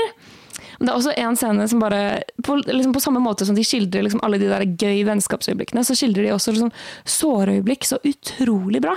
Og da er det spesielt sånn Fordi eh, Max skal jo flytte til Australia, for han kommer fra en litt sånn Han har en dårlig mor, og han, liksom, familien hans faller fra hverandre, og han vil egentlig bare rømme. Og han er jo veldig sånn liten og ensom, og, og jeg får så vondt av karakteren hans. Og så skal han jo da flytte til Australia helt på egen hånd, og så skal han ringe for å fikse noen sånne der papirer. Og så får han ikke til å snakke engelsk, og han bare prøver og prøver. og prøver, og da, Jeg begynte å gråte så mye. og Det, det er det med at han tar meg på sånn uforventa ting. Det er sånn, Jeg trodde aldri jeg skulle sitte og hylgråte av at en fyr sliter med å snakke engelsk på kundeservice, men der sitter jeg og hylgråter, liksom. Jo, for det, er det jeg føler det er alle disse fantastiske scenene. Sånn, den er utrolig sånn ja, og jeg, Du nevnte jo det litt i stad, at det er heller om bare å, å, å synse og altså, vise enn å egentlig konkludere. da. Og det var kanskje det jeg følte med, at, med Mathias og Maxine. Selv om jeg koste meg så mye. Jeg har aldri ledd i så mye av en film i år. Jeg, jeg hadde det bare sånn, jeg koste meg så mye når jeg så den. Men samtidig så sitter jeg igjen at når du syr det hele sammen, da, så føler jeg liksom at um, det er fine kapitler, men i en, i en helhet da, så følte jeg ikke at det løste Det var veldig mange løse tråder. Uh, og at det ikke ble Jeg syns ikke det var en veldig logisk slutt heller, i forhold til alt som hadde skjedd eller ledet opp til det. da.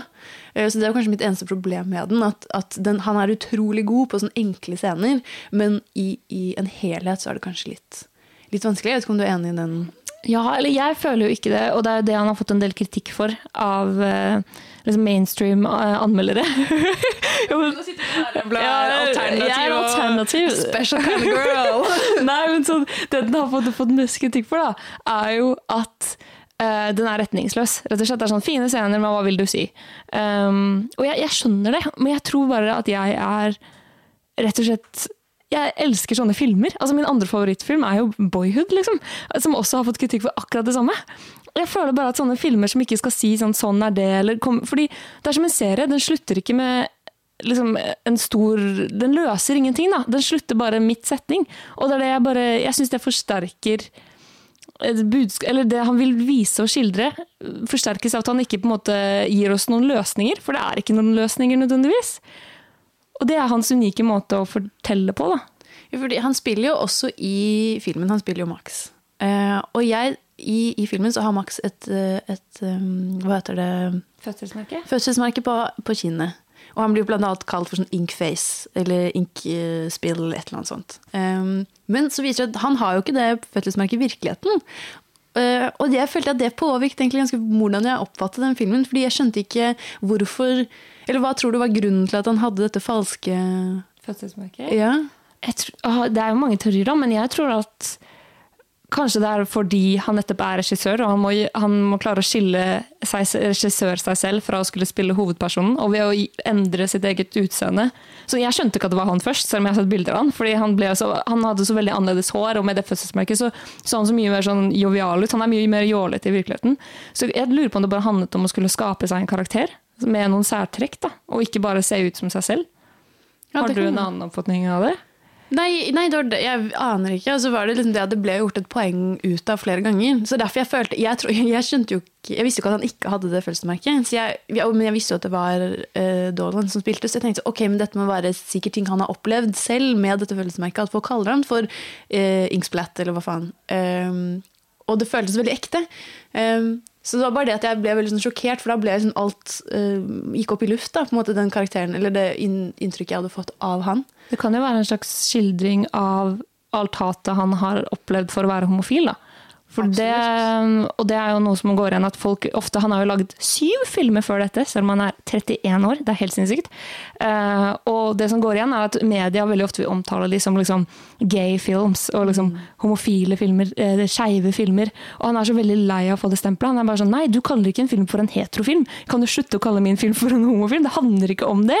Og, det er liksom, at han hele tiden har fått det stempelet etter seg og blir kalt liksom som Wonder Kid og blir mobbet for å være flamboyant. Og kanskje at det er liksom en annen måte å vise noe av det samme. Da. At han har noe, et stempel på seg som gjør at alle alltid skal få oppfatninger om han. Da. Absolutt. Jeg tror det er veldig, veldig relevant. Jeg håper virkelig at han fortsetter. Jeg er veldig veldig spent på hva enn han har videre. Hva han kommer til å lage både som regissør og som skuespiller. Jeg tror det kan bli veldig veldig kult. Så jeg krysser alle, alle, alt som kan krysses øh, for at han kommer mer framover. Og jeg krysser også alt som krysses for at flere folk ser Mathias og Maxim. Absolutt. En Den ligger i hvert fall på SF Anytime og, og andre mulige strømtjenester der ute. Så vær så snill, gå og sjekk den ut. Ikke sponset. Nei, nei, nei, absolutt ikke. absolutt ikke. Men et lite hot tips. I hvert fall det var Mathias og Maxim. Og nå skal vi videre på kanskje den største kinofilmen eh, som har vært i år. Det har jo ikke vært så mange konkurrenter heller, da. Eh, Men det er jo den beryktede Tennet, eh, på, på godt og vondt. Og før vi går videre på, på den diskusjonen, så skal du høre en ny låt, nemlig 'Mirror Mirror' av The Fiction Play. See a goddamn thing. Quit griping. I like griping. Come on, knock it off. Nova Noir elsker å klage over dårlig film. Og da har vi kommet til filmen som har skapt størst splittelse i vår redaksjon her på Nova. Det er den filmen vi aldri blir enige om, og noen hater, noen elsker, nemlig Tenet. Så da lurer jeg på, er det en av dere som vil prøve å forklare hva Tenet handler om? Jeg kan ta en liten titt på det. Det er jo en uh, spionfilm først og fremst, som uh, tar sted i nåtiden, tror vi. Men eh, ting går, liksom når de finner ut at det er noe som går gærent i tiden, da, at, er, at verden kan gå under, så og at folk går baklengs, ting blir skutt tilbake til pistolene, så må de finne ut hva som egentlig skjer. Ting begynner rett og slett å gå liksom, ting begynner å gå bakover. Det er noen rare tidsgreier som skjer, og denne superspionen som bare heter protagonisten, må prøve å finne ut hva det er som skjer, med hjelp av Edward fra Twilight, eller Robert Pattinson, som han også heter. Og dette er for de som kanskje begynner å Eller ikke vet, da, en Nolan-film, som også kanskje kan gjøre det litt klarere for noen. Men Alexander, vi kan jo begynne med deg, for du har veldig tydelige meninger om denne filmen.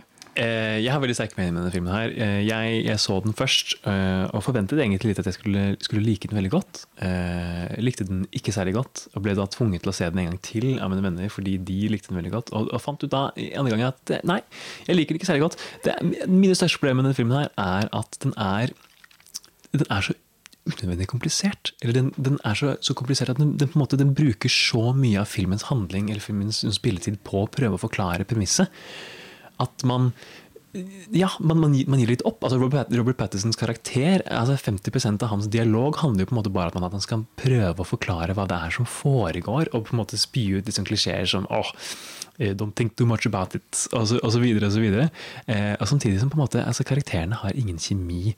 Eh, nå er Jeg på en måte, altså jeg har litt slik at jeg kanskje er litt kontroversiell når jeg sier at eh, altså han som spiller hovedkarakteren, ikke, ikke er så altfor ille. Jeg måte han, han spiller ganske godt med det han har, og han viser på en måte at han har en ganske sånn ironisk tilgang til det. Det virker, det virker som han på en måte har en forståelse for hva han, hva han på en måte spiller i.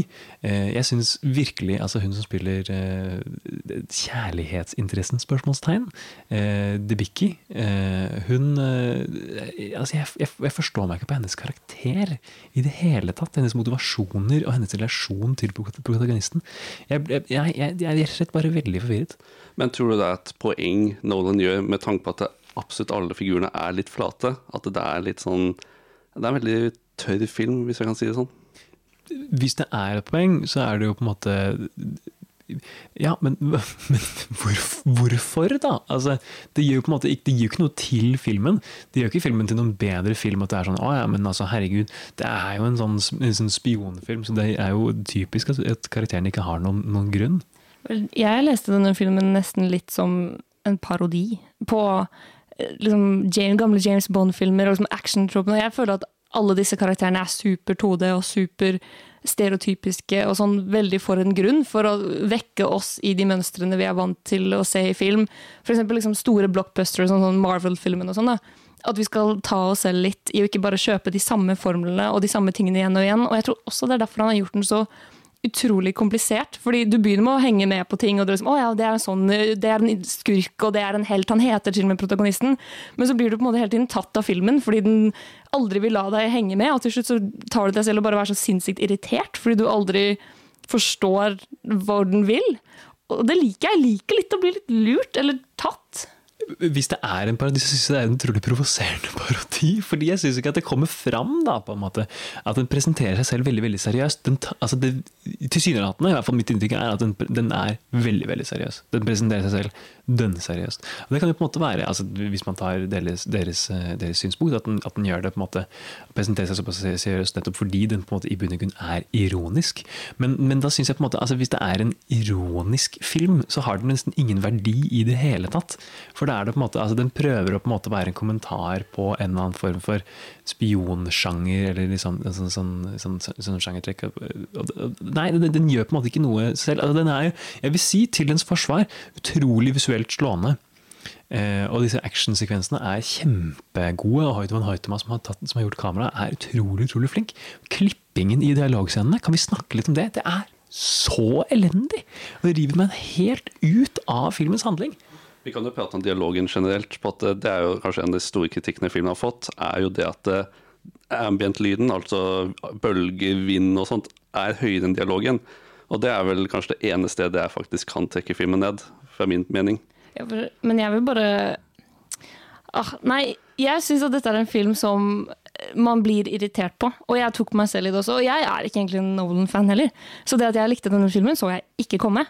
Men det er på en måte Hvis du bare klarer å se humoren i den. For det var det jeg Og jeg føler ikke at han er bønnseriøs. Jeg føler Han er syl... Altså, han er så god på spenning. Bare introsekvensen, ikke sant. Den, du sitter jo der med hjertebank og anspent store deler av filmen. Han er så god på håndverket sitt. Han vet akkurat hvordan han skal få det til å føle alt han vil. Men karakterene. Han, han har kalt de protagonisten, han har kalt dem rare ting som opera baklengs og sånn. Han, han gjør jo narr av de, han tar jo ikke sine egne karakterer seriøst.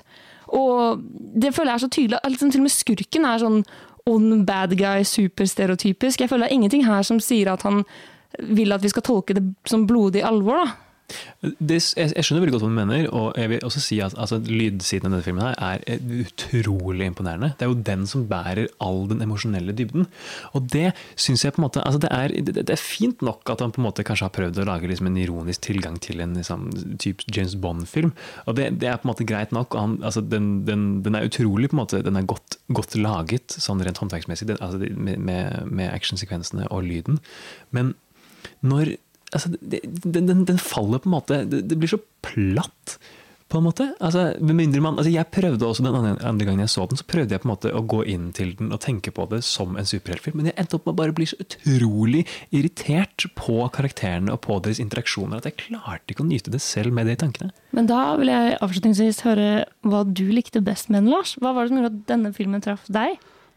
For meg så er det jo egentlig det at det er en spionfilm. Vi får egentlig ikke ordentlige spionfilmer laget lenger. Og som det sier, så er det jo, det er jo på en måte en slags karakter eller ikke. Det er satt litt på spissen og bruker morsomme gadgets.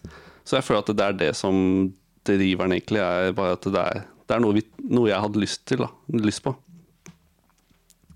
For da skal vi gå fra rett og slett Tennet, årets film, eller ikke, til å snakke litt om det kommende året, 2021. Hvordan blir det egentlig?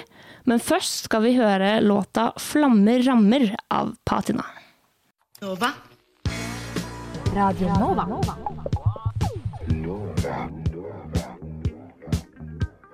Du hører på Radio Nova. DAB, nettspiller og mobil. Og ut av flammene av 2020 så ser vi, retter vi blikket mot kanskje et eh, kaldere år 2021. Og det er, det er mange filmer som kommer ut i 2021 på at vi har jo opplevd en del utsetninger fra filmene i 2020.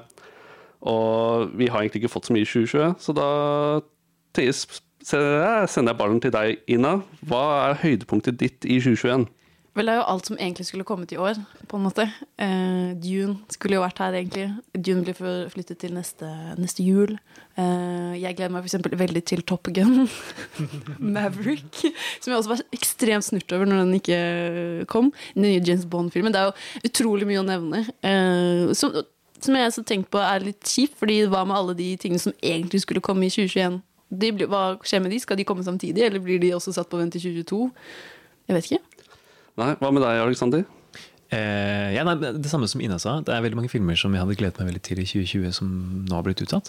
Eh, blant annet er dette en film som jeg i hvert fall nevnte i mitt Nicholas Cage-innslag. Det er Pig, som kommer ut. Som jeg gleder meg uforskammet mye til. Som jeg ikke har sett noen sånn offisiell uh, utslippsdato, men den skal komme i 2021.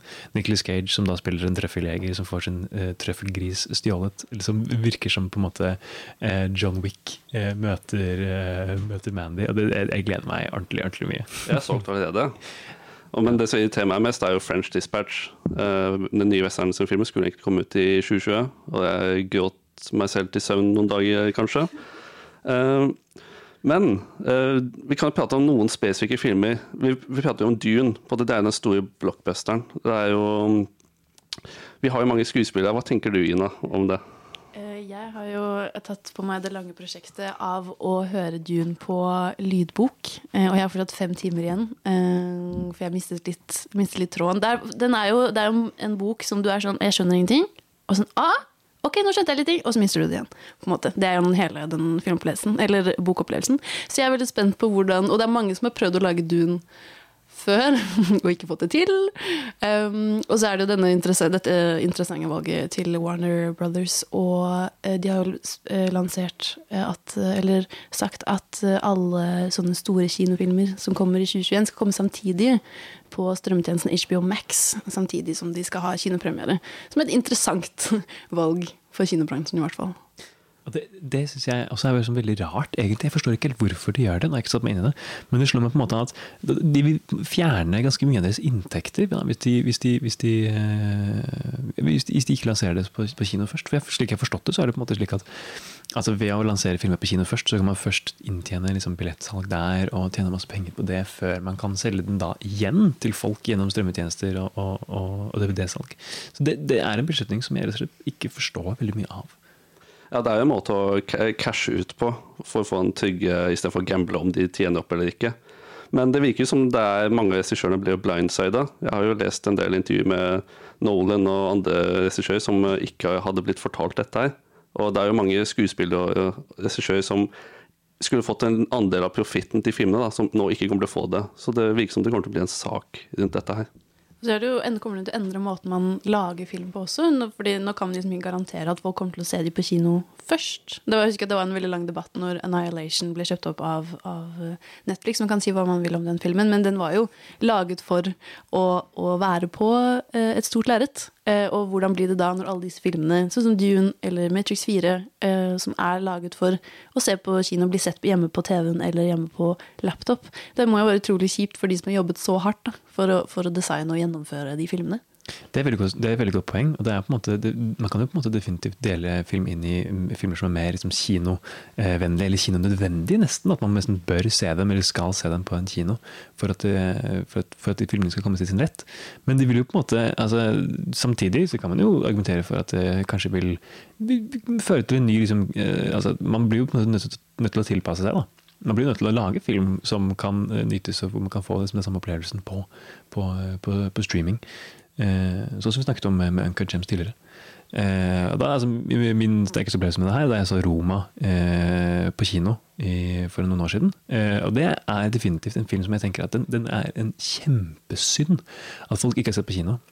For særlig liksom lydsiden på den. Kommer, altså, ja, et veldig veldig sterkt eksempel på en film som burde blitt vist veldig mye mer på kino enn det den, det den, det den ble. Men kanskje man kan man vil se, ja, Det vil jo endre måten folk lager film på. Men uh, kjapt spørsmål. Tror dere at kinoene kommer til å oppleve en stor nedgang og kanskje ikke eksistere om noen tiår, eller har dere litt positive synspunkt på det? Altså, jeg vil jo helst at kinoen skal bestå, uh, men jeg ser jo at det kommer til å bli mye færre kinoer framover. Jeg tror det kommer til å være flere Odeon, eller heller da én Odeon, som viser de aller største filmene, og at det blir færre og færre. Jeg tror kino kommer til å bli en nisjeting. Jeg tror, eller jeg føler at kino kommer til å bli noe folk som er spesielt filminteresserte, kommer til å prioritere. Fremover, i hvert fall. Det tror jeg du er helt rett i. Uh, og så tror jeg på en måte at man kommer til å fortsatt se, se eksempler på nisjekinoer som, som, Gimle og som uh, Cinemateket, som appellerer til et mye, mer, mye eldre publikum. da. Altså med det her Man kan, på en måte kan nyte alkohol på stedet i det hele tatt. Uh, og det tror jeg man vil, altså jeg tror ikke, jeg tror ikke Cinemateket kommer til å lide med det aller første. Jeg tror det er mer liksom type NF-kino. Eh, som, kommer å, som, kommer til å, slite litt mer, Da. de som på en måte lever litt mer på de, de store utgivelsene. Mens de som eh, appellerer mer til det du sier, et mer liksom, dedikert filmpublikum, kommer til å overleve. Men det er jo så mye mer vi kan snakke om 2021. Det virker som et veldig optimistisk år. Men uh, det kan være en diskusjon til en annen gang, for nå skal vi høre en sang av Kristoffer Eikrem. Jeg har ikke sagt det, men jeg kan si det en gang til. Radio Nova. Radio Nova. Nettradio. På radionova.no. Jeg har egentlig sagt det, men jeg kan si det en gang til. Radio Nova. Og eh, vi skal nå gå over til å snakke om eh, fra en eh, tilsynelatende koreansk tittel til en annen. Parasite. Som, nå har vi da kommet til, til sendingens ende, til veis ende. Vi skal snakke om den filmen som kanskje har skapt mest buzz i 2020. Den store Oscar-vinneren. Jeg sender den videre til deg, Lars. Hva er ditt inntrykk av Parasite? Mitt inntrykk Jeg kan jo bare si det med en gang at jeg så den første gang på kino. Og så gikk det en uke, og så så jeg at de hadde en sort-hvitt-visning av den. Og da så jeg den igjen. Og jeg likte den like godt den gangen også. Så jeg vil jo si at det er en knallfilm. Hadde de en sort-hvitt-visning av Parasite? Det hadde de, og de, den finnes jo nå også på Blu-ray i en sånn komboversjon. Det er kult. Og det er en kul versjon, men den gir kanskje ikke så mye som andre eh, black and white editions har gjort på andre filmer. Så du syns den originalen var bedre enn svart-hvitt? Ja, på at uh, Parasite har jo en, et ganske spesielt uh, fargepalett. Så Mm. da tenker jeg jeg syns det gjør mye av filmen, altså. Jeg, jeg vil si at Det er ikke en film jeg egentlig utgangspunktet ser for meg at ville være noe bedre, egentlig, sort-hvitt. Men, eh, men det er jo en film som på en måte har skapt eh, veldig mye, veldig mye debatt. Det er jo blitt en, en veldig veldig stor snakkis. Den første utenlandske eh, Oscar-vinneren, tar jeg helt feil når jeg sier det? Nei. Nei, det er rett og Altså, du tar ikke feil. det, det er jeg glad for. så Det sier ingenting feil på radioen i dag. Eh, nei, den er jo, den er jo, eh, er jo rett og slett altså, veldig god. Den har jo fått altså, utrolig altså, eh, Helt altså, fullstendig enighet da, i vår redaksjon i hvert fall om at det her er årets beste film. Hva sier du, Fan? Nei, altså, når du sier at den er veldig god, så er jeg spent på hvorfor er den så god? Selvfølgelig. Vi skal også begrunne våre meninger her på radioen. Ja. Eh, nei, altså jeg syns altså den måten den eh, altså eh, Bang Ho er jo en, en regissør som er veldig opptatt av måte av klasse og, og, og, eh, og vise liksom klasseforskjeller i det koreanske samfunnet. Og jeg synes Måten han gjør det på i denne filmen her, er veldig veldig interessant. Eh, jeg syns også hans karakterer er, er veldig veldig gode, og måten han på en måte eh, altså han setter dem opp på, eh, og denne her liksom moralske dilemmaet mer, mer, mer, om de to familiene. Ja, altså, jeg er jo enig, det er jo en bra film. Det kommer du ikke bort ifra. Og den fortjener jo den oppmerksomheten den har fått. Absolutt. Men altså, jeg, jeg syns ikke karakterene ga meg så mye. Eh, jeg følte at jeg satt der, og så kom jeg aldri Jeg fikk aldri den emosjonelle tilknytningen til karakterene. Eh, er dere enig i det? Skjønner du hva jeg mener? Jeg vet altså jeg personlig eh, jeg levde meg veldig veldig inn i eh, denne hovedfamilien sin, sin struggle. Altså jeg syns eh, måten den blir på en måte eh, blir, blir vist, og visualisert i denne filmen på, er, er veldig, veldig, veldig interessant. Jeg heier på en måte på dem gjennom veldig veldig mye av filmen, selv om man på en måte den er jo på en måte, den, den, den, problematiserer det de driver med på en veldig interessant, måte. Eh, og, og i det hele tatt man, man eh, Nei, jeg syns virkelig den, den formidler den på en veldig sympatisk måte. Hva sier du, Lars? Det er et veldig interessant uh, synspunkt du si, sier der. på grunn av at de, Selv om de er veldig Du liker egentlig ikke hovedpersonen på at de gjør jo kanskje noen fæle ting i løpet av filmen. Og det, det gir deg veldig splittende følelser. Og det er, no, det er noe av styrken til filmen, er at den sjonglerer så mange forskjellige temaer. Da. Den går fra humor til drama til til og med skrekk, gjør den uh, et visst punkt. Og det er no, noe av det største bragden man kan gjøre i en film, er å sjonglere på den måten. Absolutt. Du tar jo opp noen store kvaliteter der med de forskjellige humor og skrekk og alt det der. Men det jeg mener med karakterene, er det at eh, ja, eh, de oppfører seg som de gjør, og man syns kanskje ikke synd på de, men jeg, jeg klarer ikke kjenne altså, noen tilknytning til de heller. Jeg blir ikke lei meg når noe skjer med de. Altså, jeg synes det bare Når jeg så på den, så var det sånn ja, ja det, jeg har sett den. Det er fint å ha sett den, men jeg trenger liksom ikke se den igjen.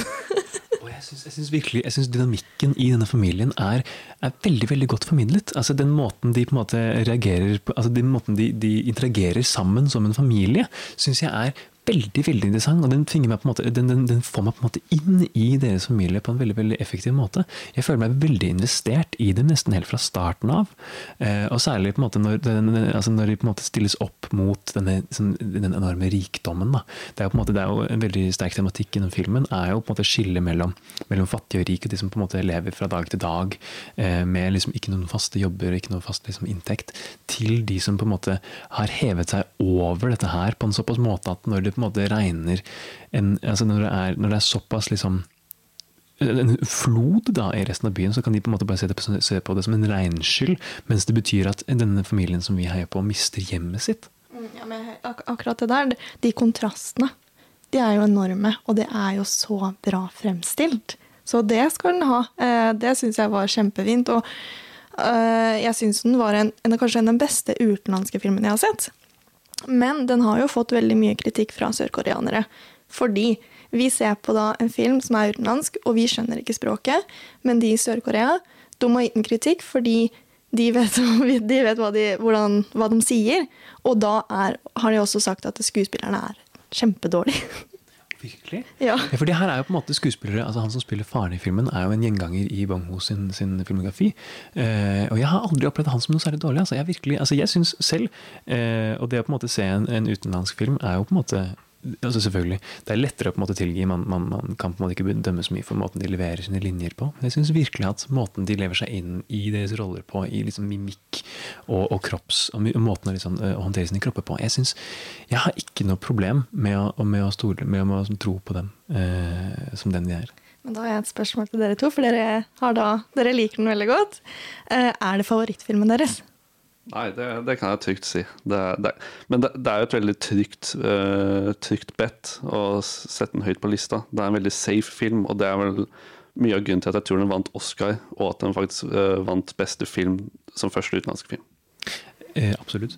Og jeg, eh, jeg, er helt enig at det er en helt strålende film. Eh, nå har jeg satt Uncut Gems høyere på min liste, mest bare fordi jeg vil egentlig sette den, den filmen litt mer i fokus, for jeg syns Parasite har fått veldig mye, veldig mye fokus. Og det er jo ikke fordi det ikke er fortjent, det er mer bare fordi jeg har ønsket å sette Uncut Gems litt mer i fokus. Men, men nå må vi rett og slett videre. Vi må høre en ny låt. Vi skal høre Voy and Destroy av Aktiv Dødshjelp.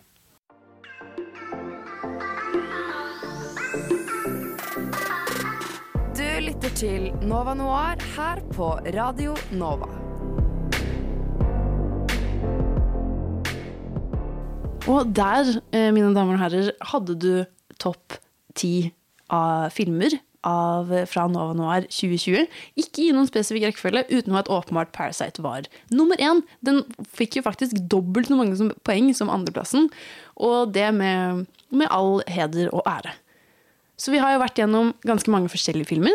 Og hvis du vil lese mer om disse filmene og andre filmer som vi ikke har fått tid til å prate om i dag, så anbefaler jeg deg å gå inn på radionova.no og lese om vår eh, topp 20-liste eh, topp 2020-liste der også. Og vi har jo vært et lite sendeteam i dag, og vi har nemlig vært fam Vivian Bekkingen, Embla Aaslein, Lars Skram, Alexander Helstenius og meg, Ina Elisabeth Sletten og en trofast tekniker bak spakene, Magnus Tune. Tusen takk for at du kunne eh, passe på oss i dag. Nå er jo Nav Noir ferdig for i år, og vi gleder oss utrolig mye til hva N2021 bringer. Vi håper at vi får komme tilbake til studio. Vi håper at Radio Nova kan fortsette å gi deg underholdning. Eh, enten om det er gjennom film, eller om det er eh, feministisk eh, research, eller hva enn. Eh, jeg gleder meg uansett masse. Og jeg håper at eh, vi som samfunn kan komme tilbake til å klemme og, og vise kjærlighet til hverandre igjen. Uansett, jeg håper dere har en utrolig fin jul. Et godt, en god nyttårsaften. Pass på hverandre. Bruk maske. Husk å vaske hendene. Så ses vi og høres i 2021.